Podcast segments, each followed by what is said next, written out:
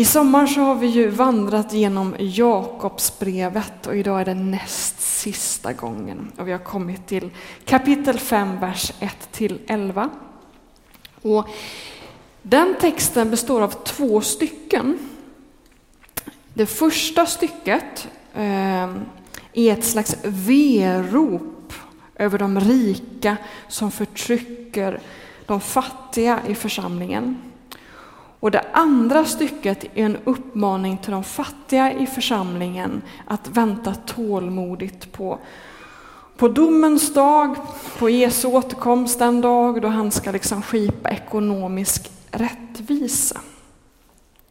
Och vårt dilemma nu när vi ska läsa den här texten är att vi inte riktigt passar i någon av grupperna.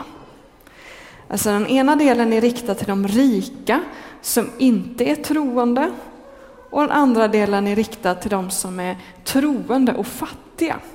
Nu vet ju jag, medveten om att alla här inne är inte rika och alla här inne är inte lärjungar till Jesus, men jag tror att de flesta av oss här är troende och kan ändå utifrån ett globalt perspektiv kalla sig rika. Och frågan är vilken liksom, stycke ska vi ta till oss? Eh, och vi har en del att fundera på genom vår läsning här. Och vi ska börja med det första stycket och fundera på vad, på vilket sätt kan vi ta till oss det? På vilket sätt är det Guds ord till oss idag?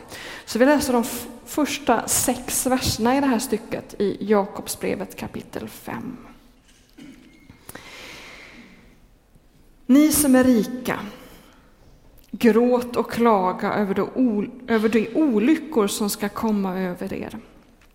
Er rikedom förmultnar, era kläder äts upp av mal.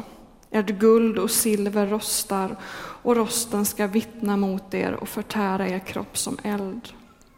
Ni har samlat skatter i de sista dagarna. Lönen till arbetarna som bärgade skörden på era ägor har ni undanhållit. Den skriar till himlen och skördefolkets rop har nått Herren Sebaots öron. Ni har levt i lyx och överflöd här på jorden. Ni har gött er på slaktdagen. Ni har dömt och ni har dödat den rättfärdige och han gör inte motstånd mot er.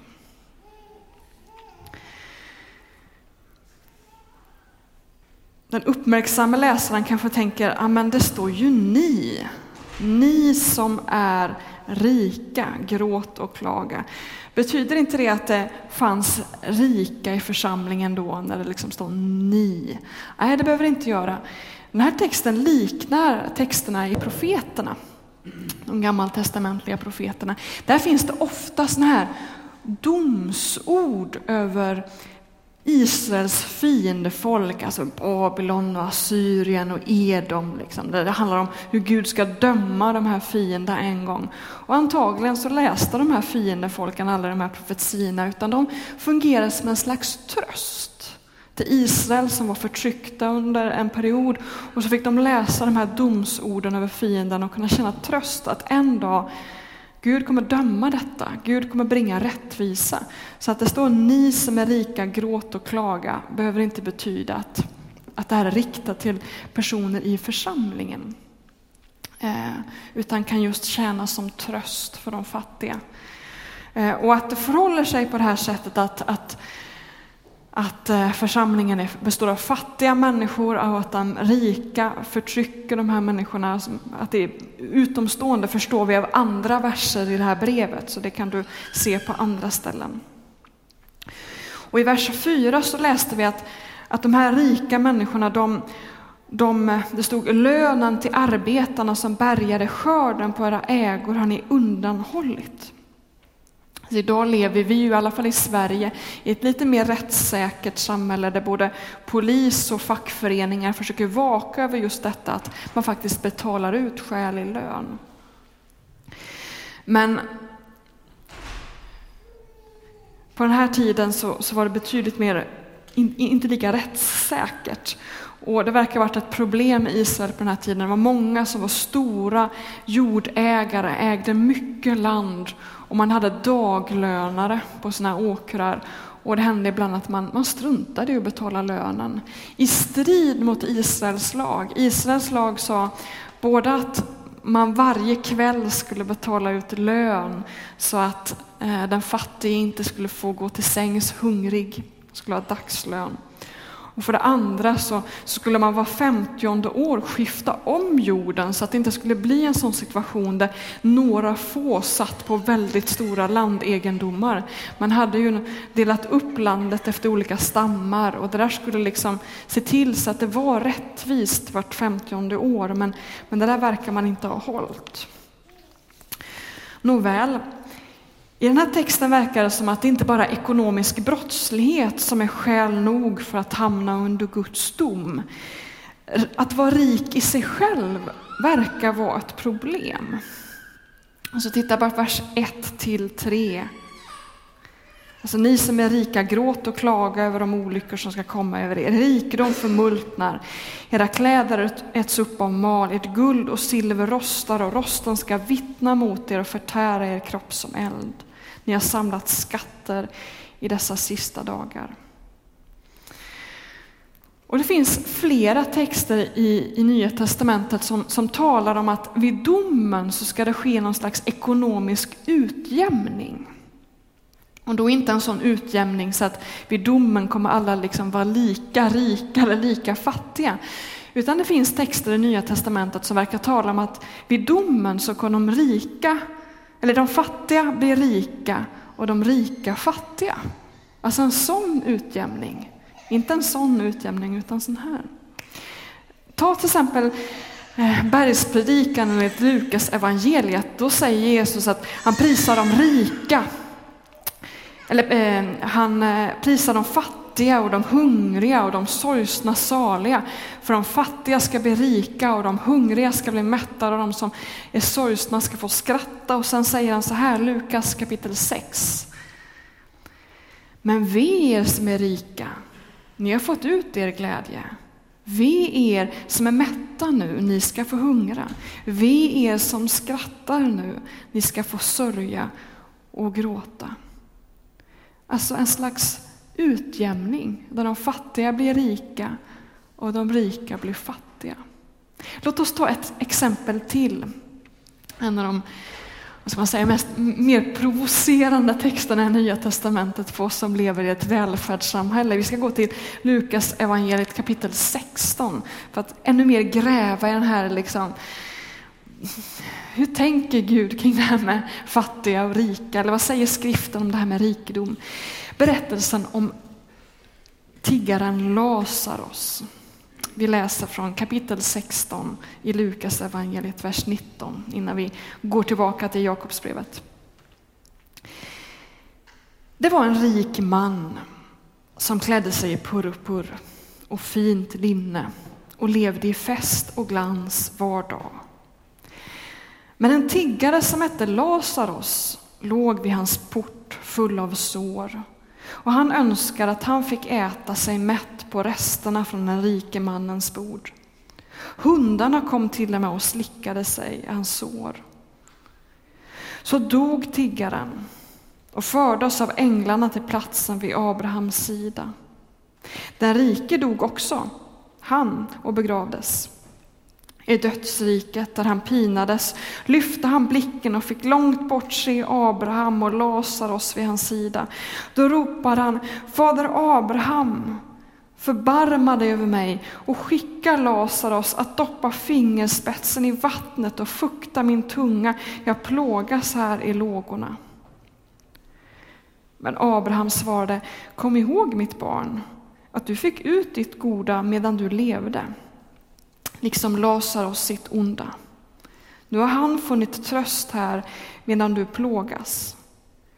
Dessutom gapar en klyfta mellan oss och er för att det som vill ta sig över från oss till er eller er, från er till oss inte ska kunna göra det. Mannen sa, då ber jag dig fader att du skickar honom till min fars hus. Jag har fem bröder och han måste varna dem så att, så att inte de också kommer hit till detta plågornas ställe. Abraham sa, de har Mose och profeterna, de kan lyssna till dem. Mannen svarade, nej fader Abraham, men om någon kommer till dem från de döda, då omvänder de sig.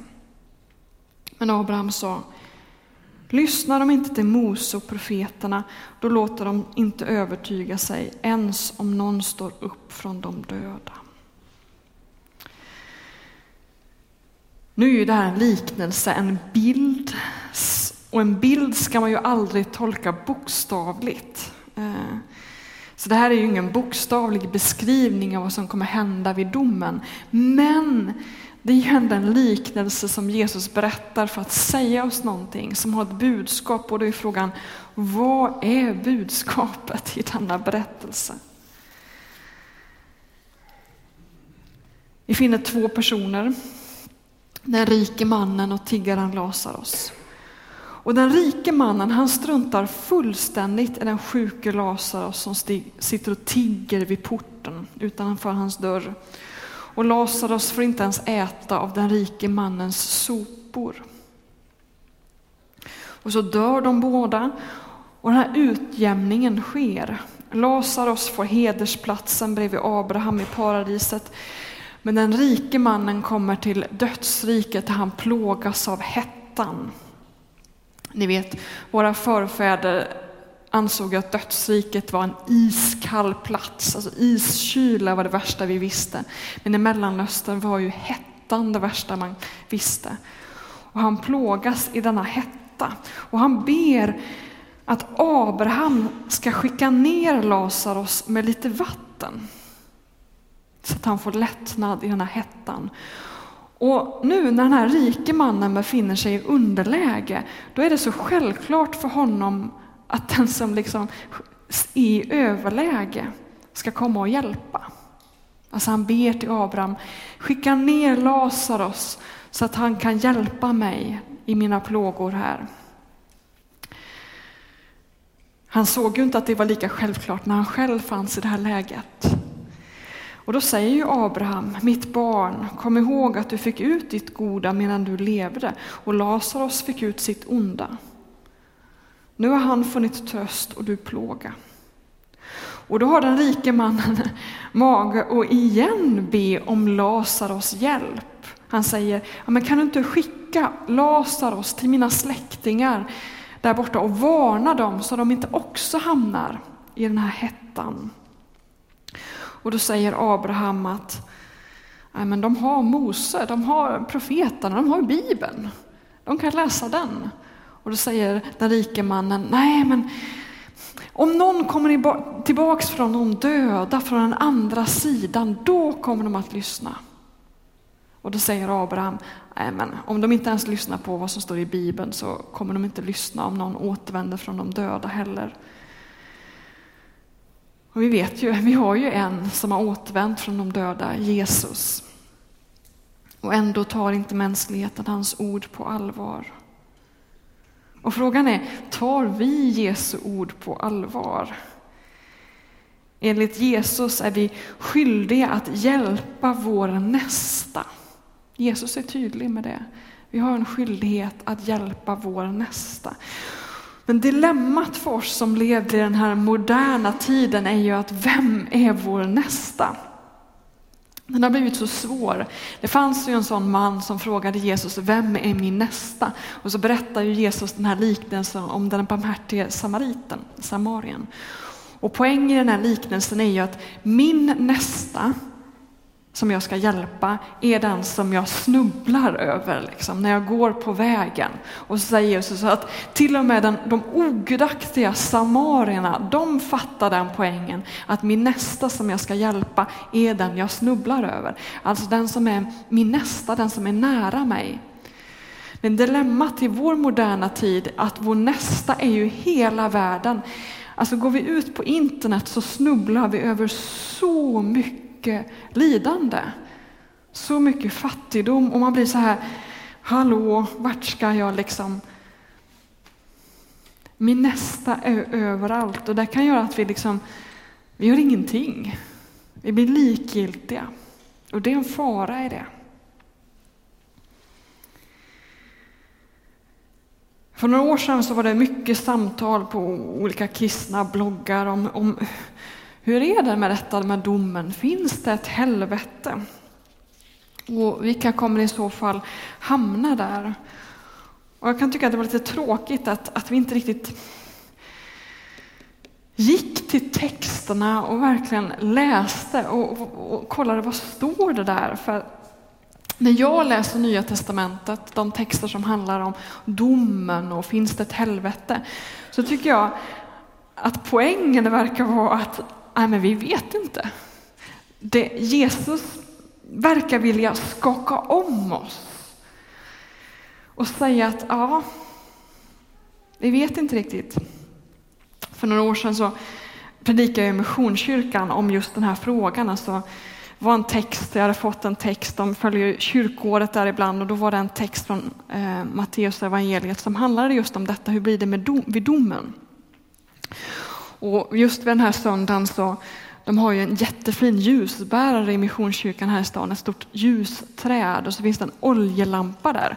Och den här dagen hade de satt i fel olja i den här lampan så det började liksom lukta starkt fotogen eller någonting. Så jag blev bara mer och mer svimfärdig när jag stod där bredvid det där ljusträdet och skulle predika av den här liksom svaveldoften. Slutorden i den predikotexten som jag hade, då, det blir mycket bibeltexter idag, blir lite av ett bibelstudie så här sommartid. Det, det är en berättelse om, om den här romerska officeren som kommer till Jesus och vill att, att Jesus ska bota hans tjänare. Och då säger Jesus så här, vi läser orden från Matteus evangeliet kapitel 8. Jesus blev förvånad och sa till dem som följde honom, sannerligen inte hos någon i Israel har jag funnit en så stark tro. Jag säger er att många ska komma från öster och väster och ligga till bords med Abraham och Isak och Jakob i himmelriket. Men rikets egna barn ska kastas ut i mörkret utanför och där ska man gråta och skära tänder. Alltså, den som hela omgivningen trodde skulle komma till helvetet, alltså de romerska soldaterna som är så ogudaktiga och ju inte tillhör Israel, säger Jesus att de, de ska få sitta på hedersplatsen i himmelriket bredvid Abraham. Men rikets egna barn, de som tror sig liksom få vara med i paradiset ska kastas utanför lämnas utanför. Alltså Jesus säger, alltså vid domen kommer vi bli överraskade. Och istället för att, att grubbla över vem som, som kommer hamna var, så kanske vi borde bemöda oss om att praktisera det Jesus undervisar i evangelierna. Och vad säger då Jesus? Jo, hjälp de fattiga. Och just den frågan verkar vara central för Jesus i evangelierna när han undervisar just om domen. Vad har ni gjort mot de fattiga? Om social rättvisa, de fattiga står i centrum i hans undervisning om domen. Det verkar inte alls handla om det här klassiska talet om att ha Jesus som sin personliga frälsare. Utan det handlar om om man har fått om tron har fått konsekvenser, om jag har hjälpt min nästa. Och det är tuffa texter mot oss som lever i det här välfärdssamhället, vilket kanske gör att vi gärna blundar för dem och inte liksom vågar reflektera över dem. Låt oss fortsätta vandringen i Jakobsbrevet. Låt oss läsa det här sista stycket då, det som är riktat till de fattiga i församlingen, de som förtrycks av de rika. Vi fortsätter Jakobsbrevet kapitel 5, vers 7. Bröder, var tåliga tills Herren kommer. Jordbrukaren ser fram emot att jorden ska ge sin dyrbara skörd och väntar tåligt på höstregn och vårregn. Ha tålamod ni också och visa fasthet, ty Herrens ankomst är nära. Klaga inte på varandra bröder, så blir ni inte dömda. Domaren står utanför dörren. Ta profeterna som talat i Herrens namn till ert föredöme i att lida och visa tålamod. Ja, vi prisar dem saliga som håller ut. Ni har hört om Jobs uthållighet och ni har sett hur Herren lät det sluta. Ty Herren är rik på medlidande och barmhärtighet. Alltså församlingen uppmanas att vara tålig, att vänta på den här ekonomiska utjämningen som kommer ske. De, de uppmanas att liksom inte ta rätten i egna händer utan vänta på domaren som står vid dörren. Och så finns det en referens till jobb. Säger att var, var som jobb. Eh, han var uthållig och ni vet hur, det lät det hur Gud lät det sluta för honom. Jobb var ju en man som plötsligt sådär pang bom drabbades av fattigdom och en hel del annat lidande också. Och hans vänner menade att det är ditt eget fel att du hamnat i den här situationen. Det är Gud som straffar dig. Så tänker vi kanske inte riktigt idag. Vi lever inte i den tron att det finns en slags gudomlig rättvisa, men däremot så tänker vi ofta så att den fattige har sig själv att skylla. Men Jobb, han stod fast och sa det här är, det är livet som är orättvist och jag tror på en rättvis Gud. Så här kan det inte gå till. Och han klagar och han skriker och han ropar. Och han vill inte acceptera det här. Och till slut så visade det sig att nej, det var ondskan som var i görningen. Och Gud lät rättvisa skipas och Jobb blev upprättad. Tror vi att Gud är rättvis?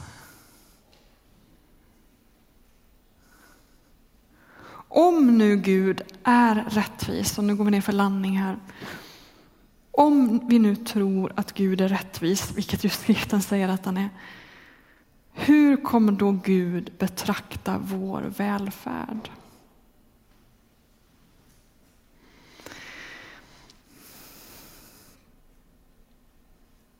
Jag vet inte hur det är på andra sidan döden. Jag vet inte hur det kommer bli vid domen. Skriften är mångtydig i den frågan. Om man jämför olika skriftställen så är det. Men vi kan vara säkra på att vi gör gott i att göra av med vårt överflöd. Låt oss gå tillbaka till de de första verserna i det här stycket, vers 2 och 3 i kapitel 5.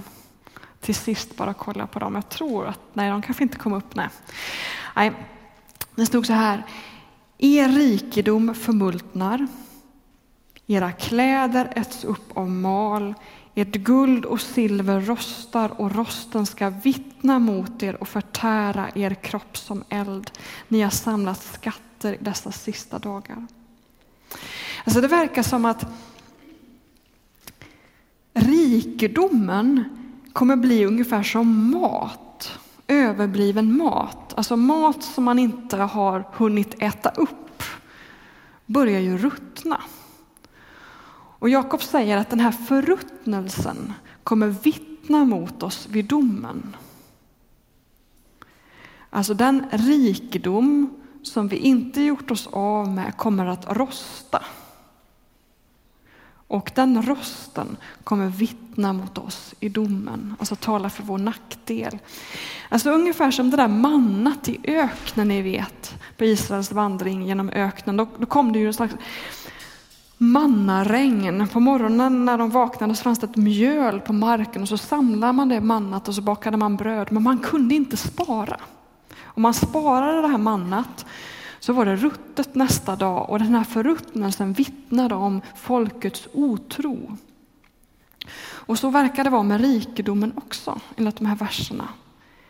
Att överflödet, det vi har som vi egentligen inte behöver, kommer vara som en rost som vittnar mot oss i domen. Alltså, det är inte den som har flest prylar när man dör som vinner, utan snarare tvärtom. Överflödet kommer vittna mot oss. Och I texten så fanns det en uppmaning till de fattiga att vänta likt en tålig jordbrukare på regnet som, gör, som ju gör jordbrukaren rik. Man såg något litet fjuttigt i krukan och så kommer det regn och så bara och Jakob säger, ni fattiga, Vänta på regnet, er rikedom kommer liksom. Flamma upp vid domen, växa upp. Och frågan är, vad gör vi med vår rikedom? Vad sår vi in det i? Vad gör vi med detta för att det ska få god skörd? Igår, som Willy nämnde i sin bön, så, så mötte vi familjen Bäckelid som är våra utsända medarbetare i Asien. De jobbar med projektkoordination. Liksom. De håller på att greja med olika projekt som EFK har i hela region Asien. Människohandel, fattigdom, miljöprojekt. Och vi fick höra om detta och våra pengar bär verkligen frukt där. Är det någonstans vi liksom kan stoppa ner vårt överflöd så är det i region Asien. Där kan det liksom få en, en enorm skillnad, de där 20 kronorna, den där hundralappen. Låt oss göra av med vårt överflöd så att det kan bära rik frukt för andra människor. Våra pengar kan göra så mycket skillnad. Låt oss liksom när vi snubblar över allt lidande på nätet inte bara resignera och inte göra någonting utan faktiskt agera.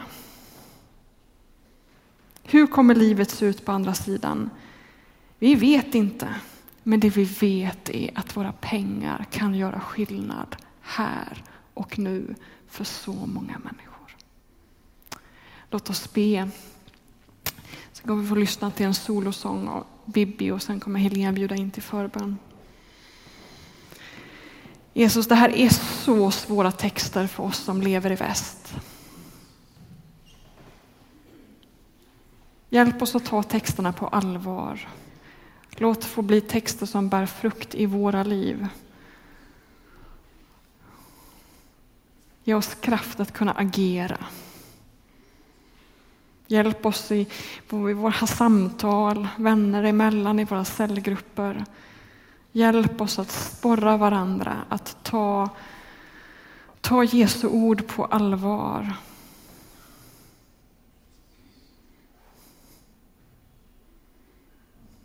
Du vet vad var och en av oss bär på